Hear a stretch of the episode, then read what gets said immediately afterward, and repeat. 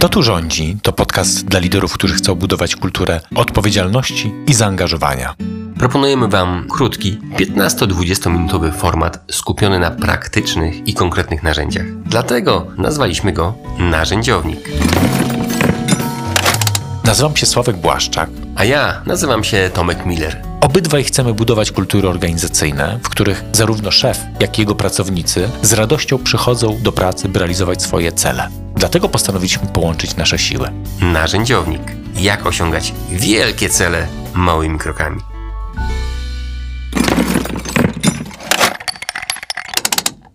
Dzień dobry, Tomku. Cześć Sławku.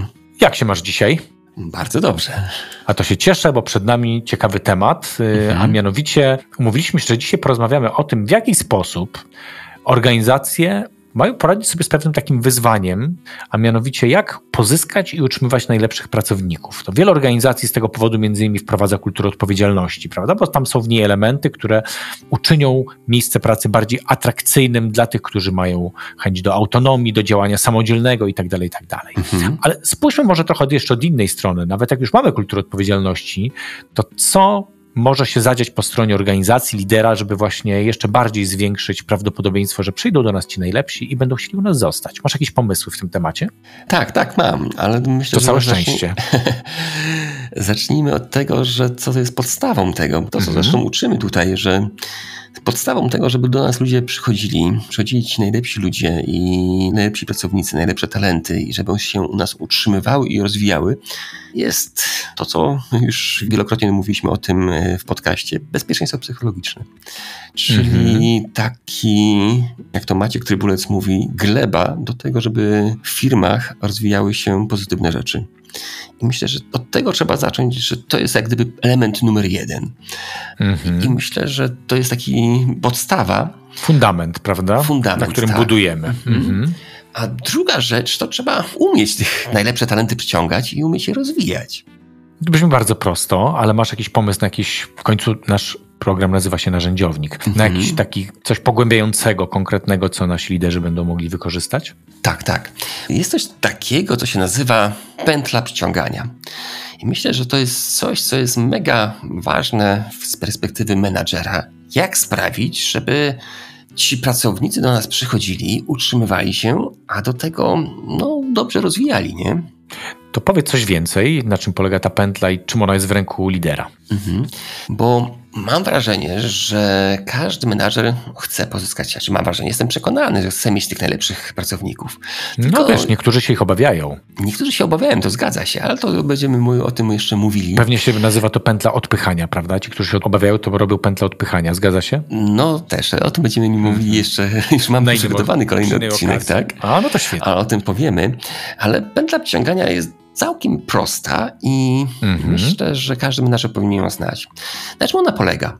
Ta pętla polega na tym, że na początku każdy menadżer no, chce mieć ten, swoje grono tych najlepszych pracowników i on zatrudnia osoby, które są naprawdę dobre. Ma talenty, ma predyspozycję do tego, żeby być kimś wyjątkowym. I w pętli tej przyciągania ten lider to jest taką osobą, która buduje tego mm, swojego pracownika. Ten lider jest takim inspiratorem, który z tego dobrego pracownika tworzy takiego super pracownika.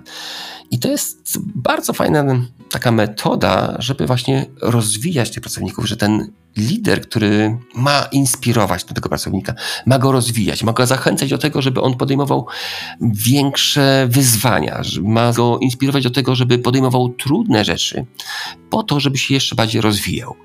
I to jest taki jakby pierwszy krok w tej pętli, to jest inspirowanie tych pracowników do tego, żeby się rozwijali.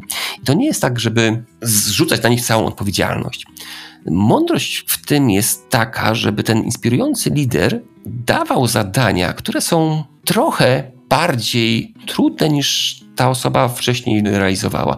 Czyli taka jest metafora trochę większego buta. Tak jak Troszeczkę poprzeczka wyżej za każdym razem, a but trochę większy, tak? Trochę większy but, tak? Jak Jakby stopa miała dorosnąć? Tak, tak, żeby dawać im takie wyzwania, które są faktycznie dla nich ciekawe. Bo każdy z nas chce robić coś, znaczy może nie każdy, właśnie trzeba dobierać takich pracowników, którzy chcą się rozwijać, chcą tą poprzeczkę podnosić. I to jest właśnie taka trudność w tym, żeby znaleźć pracowników, ale dodatkowo, żeby ich budować. Czyli mówisz tak, jak już mamy taki talent, bo temat naszego spotkania, jak mhm. pozyskać i utrzymać, już mamy taką osobę, która chce robić coś więcej, to musimy być kulturowo i jako liderzy też przygotowani do tego, żeby od razu badać taki poziom, co będzie czymś więcej dla tego pracownika, co on może zrobić, co go już rozwinie. Tak. Mhm. I to jest pierwszy krok tak, to jest pierwszy. inspiracji. Inspiracji tak. Po pierwsze, inspirowania. Drugie, żeby trochę taki zakładać, że ten pracownik naprawdę ma talenty i żeby pozwalać tym ludziom wykorzystywać swoje talenty, żeby tak ten inspirator powinien właśnie z tego dobrego pracownika wierzyć w niego, dawać mu narzędzia i dawać mu coraz trudniejsze wyzwania. I to jest jak gdyby pierwszy krok. A drugi? Drugi, to okazuje się, że gdy już ci pracownicy się zaczynają rozwijać, oni nabierają pewności siebie. I ta pętla drugim etapem jest to, że ci pracownicy zaczynają być dobrze postrzegani, nabierają większej pewności siebie. I oni już są takimi zawodnikami Superligi, ale dzięki temu, że oni są coraz lepsi, to czują coraz większy prestiż w firmie, ale też na zewnątrz firmy Okazuje się, że z zewnątrz firma też jest dużo lepiej widziana, gdy konkurencja, gdy klienci widzą, że mamy pracowników na bardzo wysokim poziomie. W związku z tym następuje wzrost wartości rynkowej firmy. I to jest jak gdyby drugi etap tego. No i co dalej? Skoro mamy ten wzrost wartości rynkowej firmy, to firma czuje się lepiej na rynku. Do tej firmy przychodzą lepsi klienci, bo oni wiedzą, że w tej firmie znajdują się faktycznie bardzo wyjątkowi specjaliści. Co się dzieje dalej? Okazuje się, że firma zyskuje renomę miejsca, gdzie się można rozwijać. A jak już mamy tą renomę, to znowu do nas zaczynają przychodzić osoby, które są właśnie podobne do tego superlidera, którego już stworzyliśmy. Pętla się zakręca, bo okazuje się, że do firmy zaczynają przychodzić osoby, które chcą się rozwijać. I znowu przychodzą zawodnicy z górnej półki, z których tworzymy super liderów, super pracowników, którzy tworzą jeszcze bardziej, zwiększają wartość rynkową firmy i później znowu reputacja firmy rośnie. Także to jest taka pętla przyciągania. Jak mamy takiego lidera, który właśnie inspiruje innych, to okazuje się, że nagle firma bardzo szybko z takiej średniej staje się coraz lepsza i renoma na rynku rośnie. Jak Ci podoba ta pętla? Brzmi bardzo idealistycznie, mhm. bo jakby założenia myślę, że są słuszne. No. Po prostu stale rozwijając ludzi, stale podnosząc pewne poprzeczki, sięgamy po coraz lepsze rzeczy na rynku i to się nawet w nazwie zapętla się, prawda? Że to tak. wszystko jest. Tylko trochę mam takie wyzwania na poszczególnych etapach, że one tam są. Dzisiaj nie wyczerpiemy, bo to pewnie wymagało mm -hmm. dużo mhm. więcej czasu, ale nawet to, jak mówisz, inspiruje, to co to znaczy w praktyce inspiruje? -hmm. To znaczy inspiruje. Inspiruje to znaczy, że raz, że daje większe wyzwania, bo okazuje się, Tylko, że... że wiesz, jak lider daje większe wyzwania, no to Aha. wielu ludzi powie, Aha. no ale ja nie wiem dobrze, jak to zrobić, albo nie chcę takiego wyzwania, albo mhm. ja rozumiem, że tu jest takie założenie, że mamy ludzi, którzy chcą z natury mieć takie wyzwania, tak? Okazuje się, że z natury tak jest później. Jak, jak tam pętlę robimy, to, to faktycznie do, do, tej firmy przychodzą ludzie, którzy chcą mieć większe wyzwania. Ale mm -hmm. to jest mhm. właśnie, to powiedziałeś, że zagrożenie, że no... Nie wszyscy będą chcieli podjąć się tych wyzwań, prawda? Że nie wszyscy, tak. Ale to właśnie tu też jest moc tego lidera, polega na tym, że mm -hmm. on dopasowuje te zadania do osób, które mają odpowiednie talenty. My wiemy, że początkujący pewne rzeczy się nie podejmie, nie zrealizuje. Kwestia tego lidera jest to, żeby inspirować osoby, które mamy, żeby im dawać właśnie te trochę trudniejsze rozwiązania. Mi się podoba to słowo trochę. Jak ty, tak. tak. Jak ty używasz tego trochę, to tam za tym stoi cała filozofia znowu Kaizenu, prawda? Tak. To znaczy, żeby nie iść do wielkich zmian i ogromnych jakichś wyzwań, tylko spojrzeć na taką masę chyba w organizacji malutkich wektorów rozwoju, które razem uczynią wielki skok.